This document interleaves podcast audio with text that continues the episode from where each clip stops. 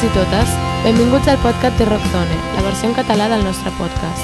El meu nom és Aina Jaén i aquí al costat tinc en Jordi Meia i el Richard Rayuela, responsables de la revista amb qui presentaré el programa. Hola Jordi, hola Richard. Hola, Aina. Hola. Al podcast de Rockzone volem conèixer de primera mà les experiències dels artistes de casa nostra en les seves gires internacionals. El nostre convidat d'avui és l'Aitor Rau, que va ser baixista de 77 i Dead Yard i que actualment es dedica a fer funcions de tour manager o backliner girant amb bandes com Baboon Show. Comencem.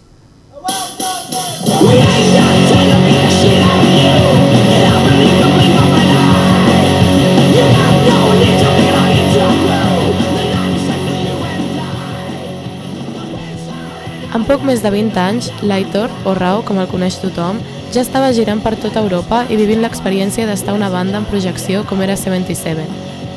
Amb ells, com a baixista, van registrar tres discos i va girar amb bandes com Danko Jones o Michael Schenker Group i va veure com un dels músics més admirats, Nick Anderson, de The Helicopters, produïa algun dels seus discos, com és el cas de High Decibels del 2011. El 2014 el Rau va deixar 77, però no va voler deixar el món de la música i va començar a fer diferents tasques, com poden ser producció de concerts, lutier d'instruments, amplificadors, i també va aprendre a ser tècnic de so i va ser membre de Dead Yard, una banda que apuntava molt alt, però que es va dissoldre el 2021 després d'editar el seu debut, Armageddonit, l'any 2020. Actualment, encara que no ha deixat el baix i li agrada passar-ho bé tocant amb amics, el Rau ha orientat la seva carrera de manera definitiva a exercir feines de tour manager o backliner i cada vegada està més sol·licitat per bandes de tota Europa. Ell és l'exemple de que es pot viure de la música més enllà de ser músic.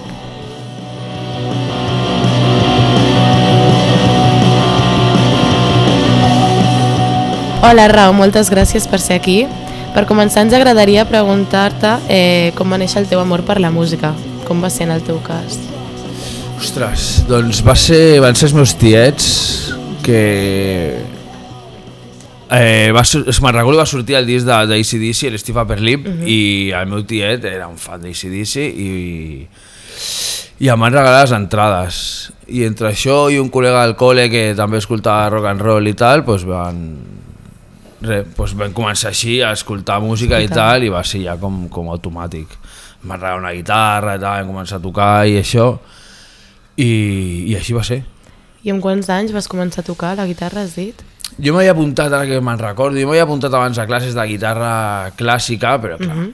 amb aquella edat pues, posar-te a tocar música clàssica pues, motiva a poca gent, Ja. no? O sigui, o sigui, a no ser, no sé, jo què sé, a no sé que hi hagi una cultura musical molt forta a casa i això jo crec que és una mica difícil. Més que no s'estimula gaire a les classes, no?, al col·le. I, i clar, a la que apareix ACDC, Kiss, Aerosmith, tot Ja. això vaja, a cascar la distorsió i pa'lante, tu. I així va ser, llavors vaig com dir, tenia amb la guitarra clàssica tenia 12 anys i l'elèctrica crec que m'han regalat 14. Sí, sí. I... oh, Perdó, digues. No, no, i se't donava bé o no? Què va, què va? Per això tocava el baix després. Eh, el teu primer grup conegut va ser 77. Havies estat a alguna altra banda abans? Sí, amb el, amb el que vaig, amb el meu col·lega de classe, el Marc, eh, vam fer Stinking Butterflies, que fèiem rotllo rotllo rock escandinavo, fem alguna versió de Helicopters, de Backyard Babies, Turbo Negro, algú de Guns N' Roses, fèiem això i bueno, tirant pel punt una mica també, que era com més fàcil, no? I aquí tocaves el baix? No, aquí tocava Aquí guitarra tocava guitarra. i cantava. Bueno, cantava. tenia, un micro, tenia un micròfon al mig de l'escenari. I això, un cop, quan, quan agafes el baix i... El baix ja, va ja ser- et va agradar la sensació de dir, hòstia, té menys cordes... Sí, jo què sé. Home, no et creguis, era... els trastes són més grans i al principi vaig dir, hòstia, no, no sé què fer. I tampoc jo havia estudiat música ni res, o sigui, tocàvem, ens aprenem les cançons amb tablatures i, i cap endavant.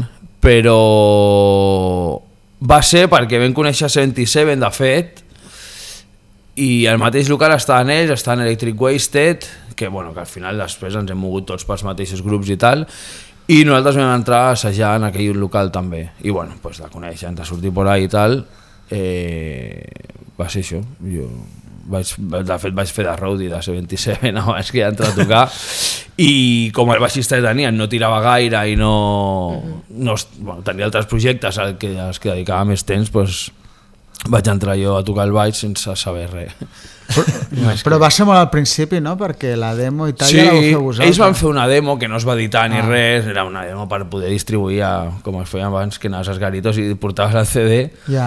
i, i va ser això, bàsicament. I després vam fer la demo com oficial, que, que vam gravar amb el Gorka, i allà sí que la vaig gravar jo.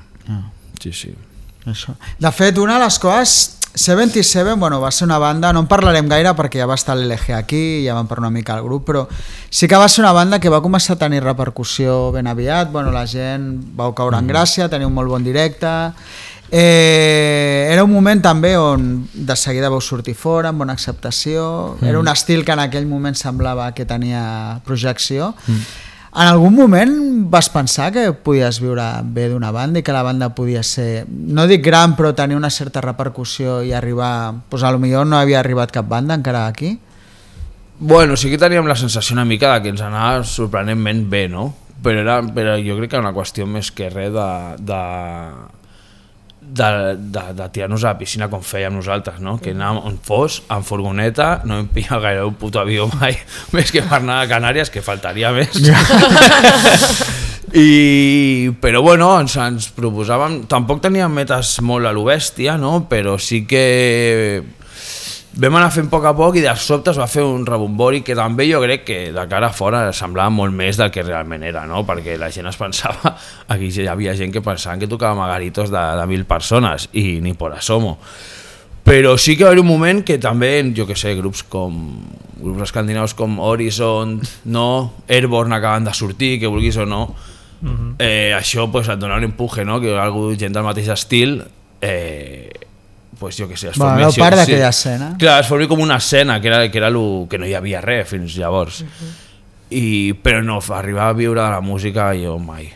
Sí que teníem la il·lusió de com a mínim poder compaginar-ho d'una manera molt més eh, eh, palpable no? que, que, i amb, amb, uns, amb uns ingressos que poguessin ajudar una mica més que no tirar-nos a la piscina com fèiem que podíem arribar a estar sense treballar ni cobrar 5 mesos i, i menjant arròs i, i passant-ho malament, no? Bueno, malament.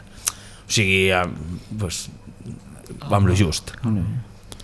Amb 77 veu girar molt per tota Europa. Com recordes d'aquelles gires? Perquè ens consta que vas tenir una mica de tot, veu tenir una mica de tot en quant a la gira. Sí, va estar bé, va estar molt bé, va estar uh -huh. molt bé. Però, com deia, o sigui, teníem moltes...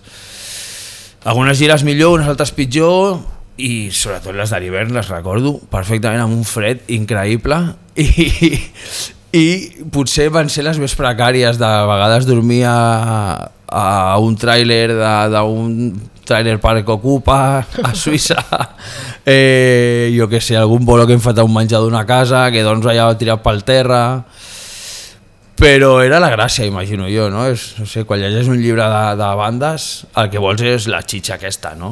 I estar allà dins, pues, hi havia moments que no feia molta gràcia, però altres jo, jo repetiria, de fet. Ja, però clar, n'hi ha moments que penses que ui, aquí, no? Que, o sigui, o no realment, quan, clar, éreu, bueno, ets jove, tens un altre tipus de... Suposo que lluites per un somni, però no hi ha moments o que dius, ostres, no? Sí, sí que t'ho planteges. Quan veus que van tres bolos seguits, que això és que l'altre dia vaig estar amb el José, que era el nostre tour manager, vam anar a un garito, bueno, garito, és que era una casa, i vam tocar el menjador, que si la gent saltava es donava la sensació que s'enfonsava, i allà vam dir, tio, primer bolo de la gira, com aquesta sigui la dinàmica, caca, perquè això serà dur, no? A més, clar, aquest tipus de bolos no vens merchan, no vens discos, les, no? Pues les, si, si caben 20 persones a la, al menjador, òbviament el caché no serà un caché Ja. que, que puguis pagar ni la benzina, no? I així sí que planteges a vegades a dir, hòstia, no de deixar-ho ni res, però sí de dir, pues poder, com vam fer, no? limitar els bolos a, i ser més selectius i per anar a vegades una miqueta per il·lusió, no? anar una miqueta descontrolats amb això. Bueno, no sé quina edat tenies quan estàveu girant amb 77 i parles d'aquestes experiències, però creus que potser, sobretot poder els pitjors moments t'han format com a persona o t'han canviat la teva manera de ser avui en dia? Sí, totalment, totalment. Uh -huh. Sí, sí, totalment. O sigui, no tindrà temps per tu d'escapar, no? més que potser Clar. mitja hora al dia i estàvem, nosaltres vam arribar a fer gires d'un mes, si no me'n no me'n recordo malament. Clar, un mes la mateixa gent, no? a la furgo, jo què sé, era una mica capirutxos, que dèiem nosaltres també, que anàvem a tot arreu junts i tot allà, que estiguéssim enfadats anàvem junts, jo què sé. eh, sí, sí, sí. Com fas per això, per evadir-te, no? Arriba un moment, dia 18 de gira, queden 12, estàs a 2.000 quilòmetres de casa. Vull dir, suposo que, que un ha de trobar no? automecanismes de defensa per, per no tornar-se boig, no? Sí, conèixer gent, o sigui, a baixar del bolo, conèixer gent, te'n vas a fer unes birres, surts, eh, o inclús jo que sé, si tens una hora por ahí, a vegades m'anava a fer una volta, eh, no sé, no ho sé. Eh, també en aquell, jo recordo, ara que encara vaig de gira, eh, que no teníem internet als mòbils, jo no tenia ni MP3, no? i a vegades, jo que sé, t'emportaves un llibre, però tam, jo que sé, no, te'l- no sé, hi havia gent al voltant, era com moments poc idonis per llegir. I jo m'anava a fer una volta, sempre, o a fumar fora, o sigui, jo crec que fumava molt, molt en aquella època Per, per fugir, no? per sortir més del compte a fora, sí, sí. Però això, bueno, està envoltat d'altra gent també, no? Que, que fa el que jo que sé. Llavors les rutes, tan... però GPS sí que n'hi havia ja, no? TomTom, Tampoc fa el TomTom, sí, que sí. ja feia que tot una mica més fàcil, no? A l'hora de trobar... Sí, sí, sí, totalment, però tampoc per actualitzar-los havies de connectar-lo a internet i a vegades es perdia bastant, ja. sí, o jo què sé, pues això, que les ocupes, que no et surt l'adreça bé o que és una nau industrial, has d'entrar per darrere, però per, jo què sé, Alemanya, no? Saps Ja. que és, és un país estrany amb aquestes reconversions dels edificis que fan, no? Que no. Però sí, sí, teníem aquesta facilitat. Jo crec que amb mapes eh, hauríem fet una gira només. Però bueno, es feien abans, no? És que suposo Sí, que... sí, sí, sí, sí, totalment, totalment. I de grups molt petits i... O sigui, Seria que... possible, seria possible. Hi ha algun lloc que recordis d'haver això, estat amb el grup que no haguessis anat a la teva vida i, i gràcies al grup has visitat? Bueno, Suïssa potser seria, no? Perquè pel, pel ni- el car que és, jo no em plantejaria mai, vamos, és que ni, ni passar per sobre. no, no. Però és un país que ens ha sorprès bastant, vam tindre bona rebuda. De fet, sí, funcionava molt bé el grup allà, sí, sí, sí, i ja no ho sembla, però funciona la música allà. Hi ha bastants llocs on tocar i les bandes els hi va... Bueno, fas un bolo o fas dos com a molt, però sí, està guai, està guai, i potser és el país que mai mai m'hauria plantejat trepitjar per... si no fos perquè vam anar.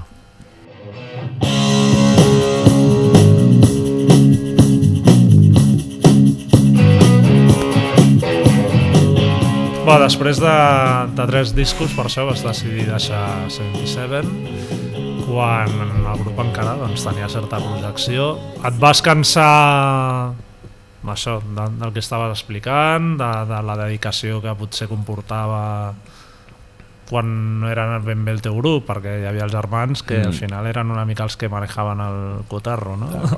Bueno, al final és el que dèiem, no? Són moltes coses, que moltes decisions que es prenen, moments clau, no? que jo que sé, uns pensen d'una manera, uns altres d'una altra i decisions que no... Sigui, que nosaltres eh, vam marxar Gonzalo i jo, el Dolphin i jo i hauríem fet les coses d'una altra manera. I tot i en aquell, en aquell moment semblava que tot era molt més dramàtic i tal, però va ser bàsicament això. Que, bueno, els germans, no per ser germans en aquest cas, potser, però van decidir fer les coses eh, d'una manera i tirar-les cap a un costat i nosaltres vam preferir pues, no continuar, que no era, no era el nostre rotllo ni, ni la nostra manera de fer. De totes maneres, això quan... Bueno, 77 sí que era una banda pues, això que havia tingut projecció. És com al final una mica d'un somni, no? Quan te'n vas...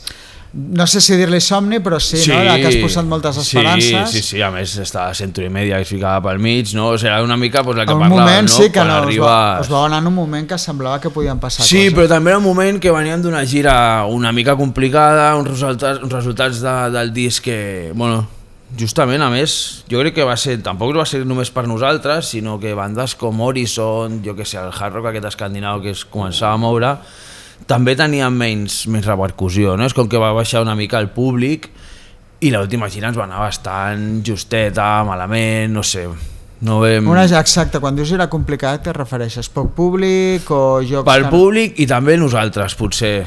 Jo crec que érem nosaltres, bàsicament, que no estàvem en un moment adequat com per tirar tan fort d'algú que veiem que no, potser no es donen res- uns resultats, no? I vam apretar igual que amb, amb altres discos i vam tindre un moment personal de bajón i jo crec que si, de fet crec que si haguessin seguit en el següent disc, tard o d'hora el resultat hauria sigut el mateix, no? de marxar. Perquè bueno, al final és com tindre una parella, no? quan algú no funciona, eh, per molt que, que forcis i tal, no... O, o vas a teràpia i com metàl·lica, no? I barre- no teníem tants calés com Metallica. Era teràpia o un disc nou. Un De, però bueno, de fet això, no? S'acaba com un somni. Què plantejament fas el dia que dius, vale, pues aquí, fins aquí hem arribat, s'ha acabat el grup, eh, vas dir, hòstia, quasi com fa gent, no? Em venc al baix, a l'equip i no vull saber res d'això, o vas tenir aquesta, per un moment aquesta idea o vas decidir, no, no, jo vull d'alguna manera continuar lligat amb això? Que, que, quin és el moment vital que afrontes? Perquè també continuaves sent molt jove, bueno, ets molt jove encara, sí, però... sí, sí, però tenia, clar. que, no sé quin edat tenia, no sé si eren 27 o 28. Però sí, vaig decidir vendre-ho tot. Ah, o sigui, ho vas fer. Sí, sí, sí, l'únic que, bueno, al final, jo què sé, vaig pensar, el baix el tenia destrossat, dic, me'n donen dos duros, no sé si val la pena, em feia esta vergonya. I va ser per mandra que no vaig vendre res, em van proposar fer un grup, em vaig posar a tocar i va dir, bueno, va, a veure. Amb el mateix baix, vell. Sí, sí, sí, sí, sí, sí. Però amb una perspectiva molt més llunyana, de dir, jo vull fer bolos i tots a prop de Barna, que toquem a prop, saps? I dormim a casa. I això, i de fet vam, vam gravar un disc que també va ser complicadet Sí, de la ja gestió. parlarem una mica després Vale. de Ledger. Però I- parlava més del teu moment vital, no? Com, com ho afrontes? Jo, Dius, jo no tenia ganes de tornar a, a pensar tot el que comporta, no? fer una, portar una banda gairebé autogestionada, no? I a, a un nivell d'aquest de, de, que has de currar mogollon, no? I no tenia forces, a més, tants anys eh, malvisquent, amb poca pasta i tal, just vaig deixar 77 amb la feina, pues, començar a tenir més feina, que total, com a molt guanyar 900 euros al mes, però ja em semblava jo de dir, jolín, tu. no? I, I vaig dir que estaria un temps sense tocar perquè necessitava baixar la, les, les revolucions no? de tot el que... Clar, des dels 19 anys de gira, amunt i avall, i discos, no sé què, no sé quantos... I vaig dir que no, que no, que... Tenies... A vegades passa, no?, quan deixes una feina o així. Tenies, somiaves de que estaves de gira o que estaves donant Sí, un concert? i que discutíem. Sí, sí, sí, sí, que composàvem o assajàvem i no sé què, i discutíem i no sé què. Clar, al final vam, o sigui, no, no vam acabar bé de primeres, després sí, que el problema tot s'ha parlat i tot això, però al principi no va ser un camino de roses, no?, el camí que van fora. Però sí, sí, sí, i que gravàvem un altre dia, sí, sí. Sí, sí, jo, era una mica com quan algú perd una, una extremitat, no? que diuen Sí, que encara la sent, pues era, era una mica aquesta sensació de dir, jolín, tu. My God, I've never seen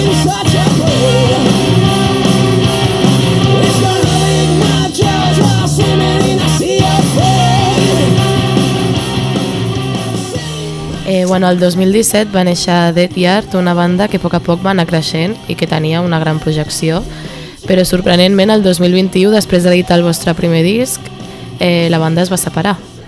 Va ser per la pandèmia que va ser massa dura o va haver-hi alguna més? Bueno, ja, ja portàvem una igual, no? També érem més grans, eh, jo era el més jove de tots, però hi havia gent que passava els 40 i tal, i bueno, feia vertigen una mica, no? De dir, hòstia, que és com la seva família, la seva feina fixa, no sé què, pues bueno, al final qui no va continuar és el que no tenia ni feina ni família. No, però sí, el Pablo no tenia ganes de continuar amb, amb, uh -huh. amb Deja, no? Es va veure tota una gira que vam plantejar, no sé què, molts caps de setmana, i viu de la música, un altre rotllo, i se li feia com una mica complicat compaginar això. Uh -huh i va decidir que no, que no continuava jo que sé, que per nosaltres canviar un cantant era com algo que no, la gent Clar. associa molt a la banda i llavors un cantant nou seria, bueno, no sé, no... O sigui, si fos per tu, creus que si ell no hagués decidit acabar, perquè això que dius, el ser el cantant, doncs sí que és més complicat continuar, Clar. però si hagués sigut un altre membre de la banda, tu creus que haguéssiu continuat? Mm, depèn. Potser de cara al públic hauria sigut més fàcil, però jo que sé, érem un grup que vam començar per, per passar-nos-ho bé i ens ho passàvem de conya i no sé. Per, per què es va complicar la cosa? Perquè tu, tu mateix deies no? que l'objectiu era prendre's amb molta calma, tal, però és veritat que Bueno, a poc a poc... Sí, vam fer quatre bolos, vam fitxar amb HFMN, no sé, i clar, amb HFMN tu no fas un bolito al mes, no, allà piquen pedra i, i si pots tocar 30 bolos a l'any els fas.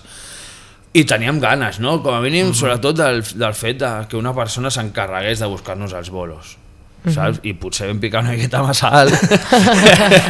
Però vindre- també perquè ell us va veure alguna cosa, o sigui, Sí, ell no sí, regala... sí. No, no, ens anava bé, eh? O sigui, vamos, que vam esgotar entrades. El primer bolo que vam fer a Rock Sound, esgotar entrades, i el del Raz 3, gairebé per 10 entrades. I era com, hòstia, tio, molt sorprenent, no? I clar, ens vam animar, i bueno, el de sempre. Te vienes arriba clar, i... acabes un bolo, bona resposta, truca molta gent, no sé. I Ja, ja- però és curiós, no? al final sempre es parla molt dels grups, no?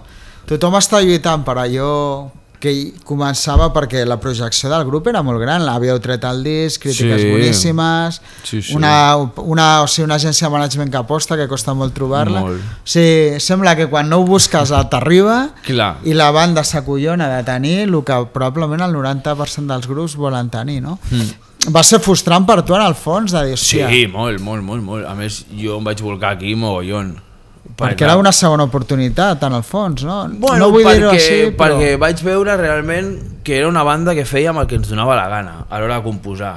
Mai tenia un, un, un, no? un, un objectiu de dir volem ser aquest rotllo, volem fer això. O sigui, a mi m'encanta el punk, m'encanta el hard rock, el Santo Lobo és una mica més eh, coses a vegades progressives, tal, gent molt garajera, el Pablo és hard rockero, angelino a muerte, no? O sigui, s'ajuntaven una sèrie de factors que anàvem a fer alguna cosa, sobretot que no s'estava fent, crec jo, en aquell moment, no? Un rotllo de mig hard rock punk que... Ni Ah, és el mal. Pa- que, ni tan mal.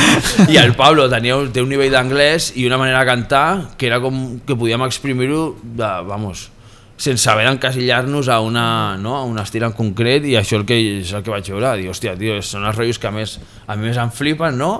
I els temes ens estaven agradant i estaven disfrutant del que fèiem. Llavors és quan t'animes i vinga, va, Ja. jo què sé, sense voler ni sortir a Europa, ni no sé què, però fer bolos de cap de setmana, sí, sí. Però clar, va haver un al·luvió de coses per fer. I la gent es va collonir, és increïble, és curiós. Bueno, per, sí. Sí, en realitat ell va decidir que, per, per, o sigui, ell es veia un...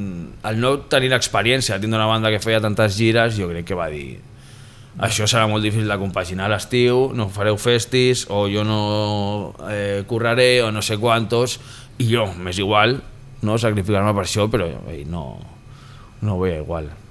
Que és difícil també, eh? Sí, Ja. quan, quan veus això de que és massa feina i tal, i tu el que vols és, és cantar només, Ja. pues dius, hòstia, tio, tot el dia a l'ordinador és, bueno, espanta una miqueta, no? I per segon cop et vas plantejar vendre-ho tot i vendre el baix i tal? No. O, aquesta vegada no? No, no, no, vendre-ho no, vendre-ho no. Perquè el malvendria, a més. Però també la, va, o sigui, va passar després de la pandèmia, no? que era com molt difícil ubicar-te en una situació coneguda o, o amb antecedents, no?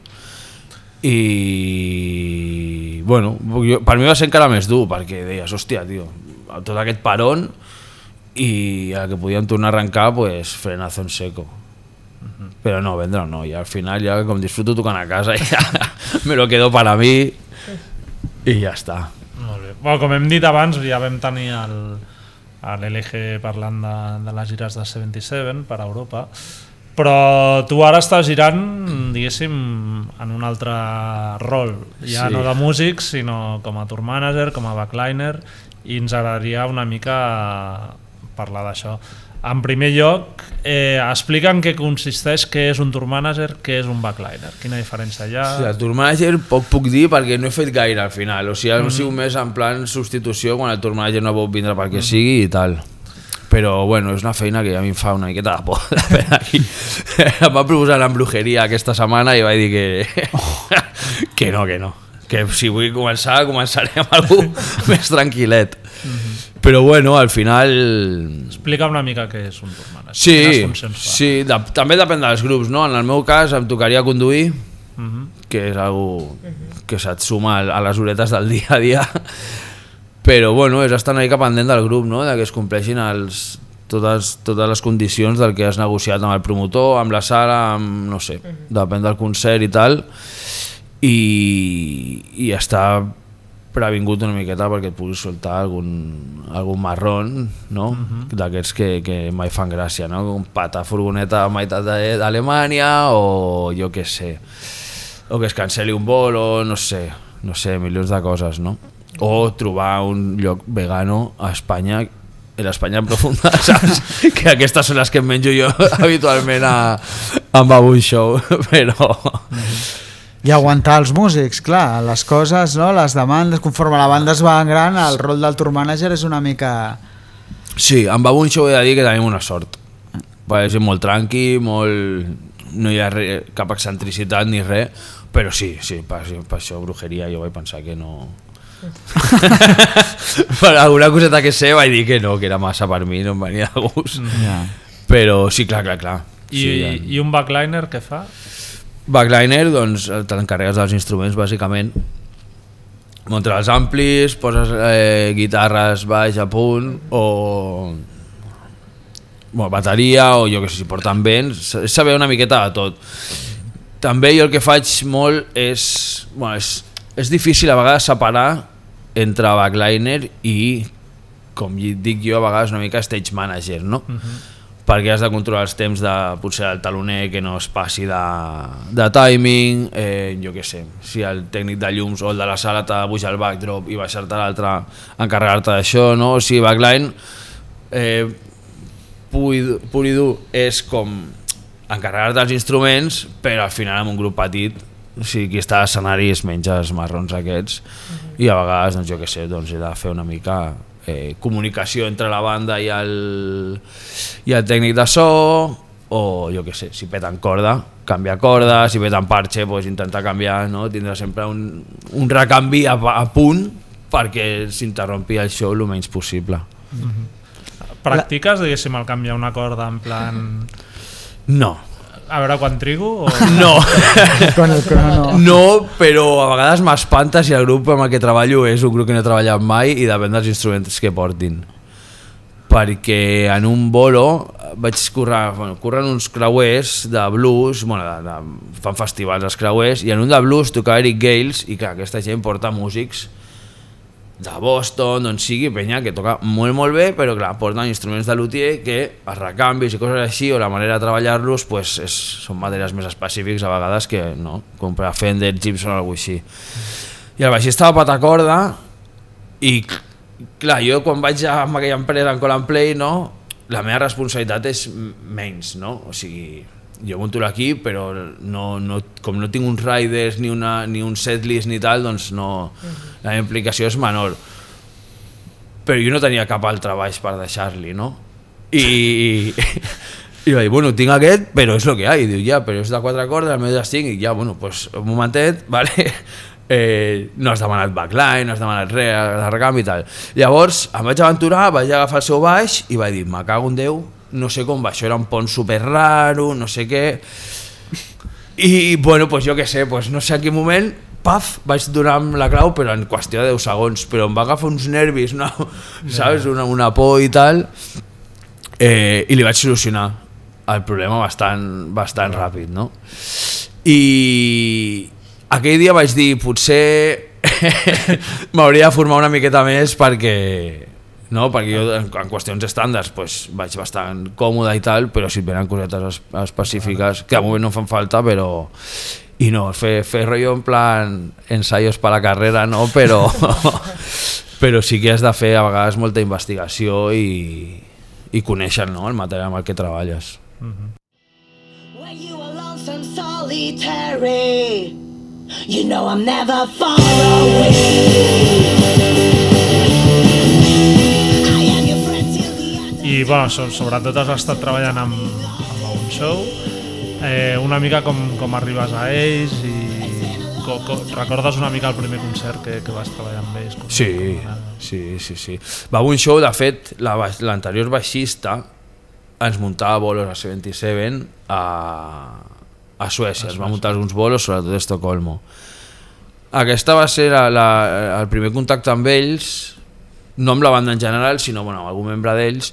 El, el Niklas sí que l'havia conegut un dia passejant per Estocolmo i tal, però després va ser doncs, arre- arrel de HFMN, no? El, bueno, amb, conèixer una mica més el, el David i tal, arrel de Deller i això, anava a fer uns bolos junts i, i ell necessitava un backliner i algú que conegués i va ser, va ser així una mica. I havia de començar abans de la pandèmia, que van treure, no recordo el nom del disc, ara quin, quin va ser en aquella època, però bueno, o treien un EP, bueno, jo que sé, feien alguns bolos i va vindre la pandèmia es va cansar de tot. I després ells van fer tres, tres concerts seguits a, a la plaça de Toros de, de Vitoria, que allà van, és el primer, el primer bolo que vaig fer, que a més era perfecte perquè muntaves el primer dia, moltes hores de prova, tres dies seguits que no, no has de muntar i desmuntar, que se't desmanega tot una mica i pots... És com fer uns assajos al final. Ja. Que Està guai. Ha de ser interessant, no?, veure estar dins d'una banda així, no?, que està creixent de veritat Sí. i que sembla que de moment no té sostre. Impacta. Impacta, no? Perquè cada vegada les reaccions, o sigui, aquí ja estan omplint-se les de mil i pico persones, a Europa no, també n'hi ha molts llocs que funcionen. Sí, sí, sí. I a Va. més que Això a nivell de feina teva et fa treballar amb més comoditat, suposa el, anar pues, a llocs millors o això, o al revés, o et genera més Bueno, hi ha de tot, hi ha tot. Perquè ells tenen un material al final que és bastant bàsic, no són gent molt, que és molt tiquis-miquis, no? El, perquè a vegades portes material de lloguer d'una empresa que et posa al festival no? i demanes tu els amplis que vols, però si hi ha alguna variació i no és exacta, doncs mira, doncs t'ho apanyes, no? Però, clar, ara la banda s'està fent gran i ara ens millorarem una miqueta el show, no? Hi ha, hi ha una inversió en, en equip i material i sí que, hòstia, arribes als llocs jo sóc un punky, currant. No, aquí hi ha gent que va amb el Mac i no sé què, e-mails i miren... Jo no. Jo contra més miro, més nerviós em poso. Perquè ve que em falta un ampli, ve que em falta no sé què, que ara no sé quantos, que ara em dona menys temps de canvi, que ens va passar, per exemple, a Itàlia. El tio va dir que li era igual, que teníem 10 minuts per fer els canvis, i que és que 10 minuts la, la, la banda no s'ha tret ni la suor, saps? O sigui, i un festival punk no et pots enrafiar sempre de que les mesures siguin les més adients com per fer un canvi en 10 minuts. I per això, que hi ha coses que jo miro l'equip i tal, però no treballo més del compte perquè al final és una feina que depèn de molta improvisació, no? Jo em puc fer un planning i demanar coses i jo que sé, vull un espai per mi per treballar i que es respecti, que sigui un dos per dos i sigui un no sé què, i arribes, tens a, ens va passar, tens a Dropkick Murphys que porten 200.000 tarimes i em donen a mi 50 centímetres que a dures penes puc deixar la jaqueta, no? I con lo qual és, bueno, com té molta part d'improvisació, sí que aprens que hi ha uns, uns, uns, unes cosetes que necessites sí o sí, que ja intento portar-me-les jo, i, i improvisar amb el que tenim allà. Però ara sí que el show es posa una mica més sèrio i haurem de veure a veure... Bueno, a mi em portarà més feina. Ja, segur, no? A mi em portarà més feina, segur. De fet, ja estem buscant una, una altra persona per l'escenari. Bueno. Llavors, bueno, la qüestió és que de nou, ara curiosament et trobes girant per Europa, algú d'una manera molt més professional, tal. La història és que tu ja ets més gran, també, tens bueno, les perspectives. Et veus fent aquesta feina durant molts temps? És una que està feta per tu o realment penses de dir, hòstia, jo d'aquí a 10 anys, amb 40 i pico, vull estar a casa? El que deies tu, no? una mica de Deller, no, doncs és que vull tornar a casa després de tocar, no? però realment et planteges el teu futur a aquest nivell, de dir, ostres, em veig girant perquè això comporta no tenir una vida Clar. estable a nivell de tot, des de parelles, eh, bueno, el que tu vulguis fer. Eh, com ho veus? O què penses? Eh, M'ho he plantejat últimament, de que, bueno, també eh, és que he viscut sempre així, o sigui, tota la meva vida. I quan vaig tindre una feina fixa dilluns a divendres, que era ben suïcido, va ser, va ser, no, no, no entenc això, no, no podia, no, no tinc aquesta educació de treballar d'aquesta manera. I me, ma- últimament em plantejava no, de que potser, clar, va un show són més grans que jo i hi haurà, un moment que potser decideixen també no? perquè jo ara gairebé he vist d'ells però era un moment que deixaran de tocar o jo què sé i bueno, pues a nivell professional em plantejava no? què faig eh, busco alternatives no? em vaig fent altres cosetes, em vaig formant. Però al final és un món que es mou tant el món de la música. Sempre hi ha substitucions, sempre hi ha tal sempre falta gent aquí o allà. Per desgràcia hi ha festivals a saco, que d'alguna manera doncs, pots acabar als festivals. Però jo continuaria així com a mínim uns anys més. Bastants anys més perquè he trobat una estabilitat sí que és veritat el que dius no? que a nivell personal pues, no puc tindre una vida com tothom eh, em perdo aniversaris de la família bueno, tot el que comporta no? i no puc decidir jo que si fos la meva banda diria no, no, el cumpleaños de mi madre no vamos a tocar Ja. a Dresden, no? Pues aquí, pues, to- que també puc dir que no vaig a treballar, eh? Ja, però... Però sí, té uns sacrificis, però m'ho passo molt bé i disfruto molt del que faig, realment. I no sé, no sé, no... O sigui, si fes una altra cosa, continuaria sent algú dins del món de l'espectacle, l'únic que potser ho faria més a nivell local. Però la diferència de cansanci, hores de son i, i perdre de, eh, aniversaris i tal acaben sent les mateixes. I, i això. No, no, jo crec que el món de, de, de la música o, o de l'espectacle en general crec que m'hi quedaré Ja, suposo que també t'has fet, estàs fent un lloc i aconseguir-ho no és fàcil, també perdre un no t'ha de donar una mica de ràbia, no? Sí, sí, sí, que a més de Babun ara treballo amb Crim i també treballo amb Mambo Jambo. No? O sigui que, hòstia, són grups, a més, molt bon rotllo, bona gent, saps? Un tracte personal que també ho agraeixes, no? No és tot tan... Potser una banda enorme que... que... No, no, jo amb aquest nivell m'ho ho estic disfrutant molt. També és els primers anys que començo a treballar amb bandes, no? Porto fent de backliner purament porto amb grups, eh? Des de després de la pandèmia, un any i mig o així, o sigui, gairebé dos, que tampoc és tant de temps com per començar a plantejar-me ara de, de fer una altra cosa, no? Però sí, sí, jo, fins que no facin fora, jo crec Aquí continua. és bastant una mica la dinàmica de la meva vida. A, a nivell de... Això, amb, amb amb un show, no? Clar, tu entres a treballar per ells, diguéssim, però a la vegada també, en certa manera, ets responsable d'ells, no sé com dir-te. També... Ells, quina actitud tenen respecte a tu? O sigui, et van en plan com un... curras para nosotros y te tratamos como un empleado i hi ha certa confiança com... Eh, no, és una banda, o sigui, no sé si potser és una condició sueca també i tal, però em tracten com un mes. A mi, el, el, el tècnic de so i tour manager també, eh, el de llums, a tots, el del Merch són amics, saps? O sigui, eh, és una banda molt familiar. Sí que és veritat que s'està fent gran. Quanta gent gireu ara? Pues mira, són els quatre de la banda, dos de merch, això en general, bolos normals, quan fem gira, i anem dos persones de merch, jo a l'escenari, el de llums i el de, i el de so. Arribem a ser Ah. nou persones i a vegades si ve el, el David, el mànager, doncs podrem arribar a ser 10. I pujant, no? Eh, sí, probablement sí.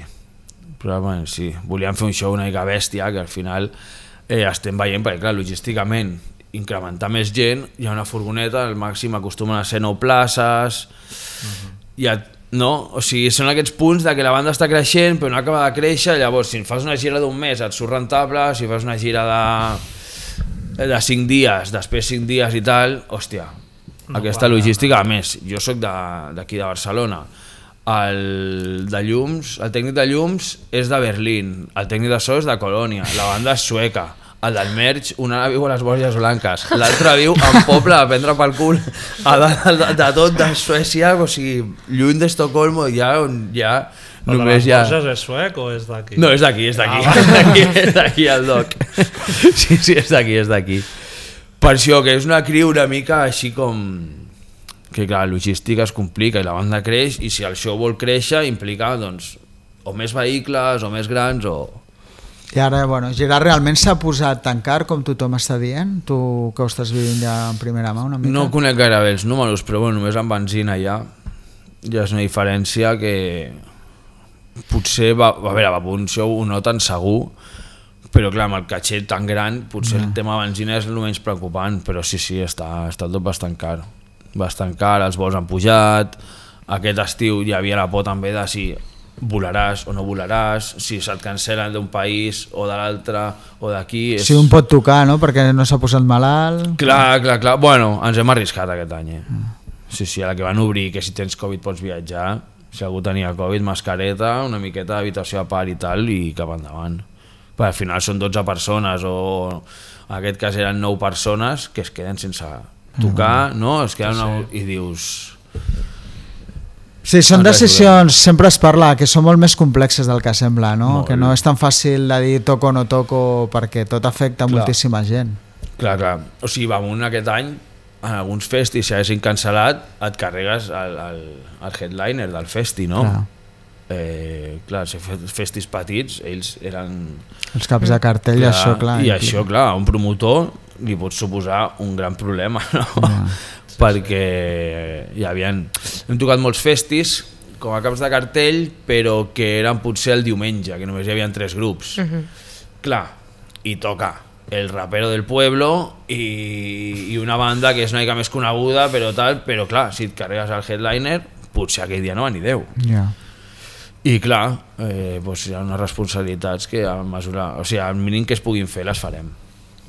A nivell del que és, diguéssim, infraestructura, logística, de fer concerts a Espanya, a, a fer-los fora, ara hi ha molta diferència o no? O... Sí, sí, sobretot eh, ho hem parlat abans, no sé, ho hem parlat a, amb el micròfon obert o no, però el tema de que aquí les entrades s'estan venent a última hora.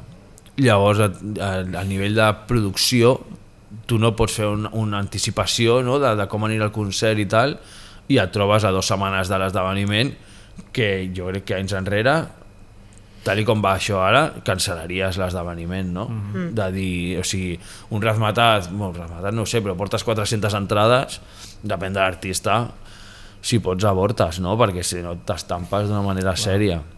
I les ventes a, a Europa jo crec que van bastant millor. A part de que merch es ven mogollon, mm. es ven molt més merch que, que aquí, i sí, sí, jo crec que és molt més fàcil allà. Hi ha més infraestructura, hi ha més cultura també de concerts, no? Aquí, a part de que a Barcelona estem quedant sense sales gairebé, eh, a partir de certa edat la gent li costa més sortir de casa, no, no veus gent jove tampoc als concerts, no sé, a mi em sorprèn bastant que la mitja d'edat pues, és, és per sobre dels 30, no? I, per exemple, a Europa amb Babun Show tenen un públic molt més jove. Sí, sí, a veure, no gaire més, però sí que dona la sensació. I si no, el públic gran continua anant a concerts, no?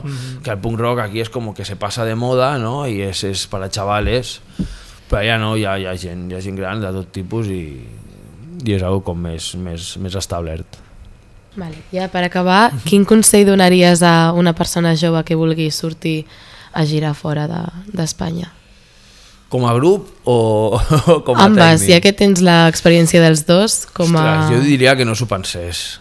Mm -hmm. Perquè al final és, és un esforç que potser, bueno, al final t'ho planteges pels diners, no? Sobretot, perquè és que més et dona anar-te'n de viatge a la Índia amb els amics o anar-te'n als Estats Units a, a fer un viatge en cotxe que, que no? Pues si, jo clar, jo no havia fet vacances mai, mm. con lo qual eh, li vaig donar prioritat a sortir de gira.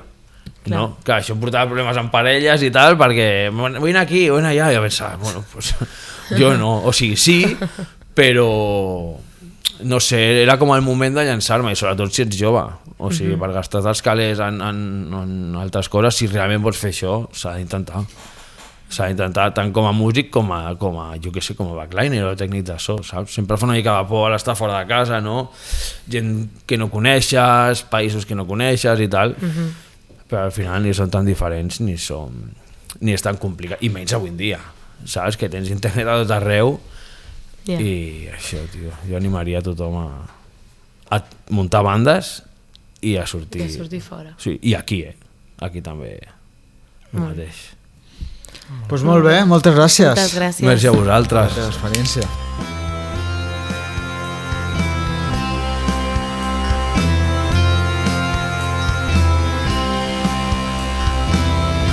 Us podeu subscriure al podcast a qualsevol plataforma on el escolteu habitualment, Spotify, Apple, iVoox, i també ens podeu seguir a la nostra pàgina web rockfonemac.com, les nostres xarxes, Facebook, Twitter o Instagram. A reveure...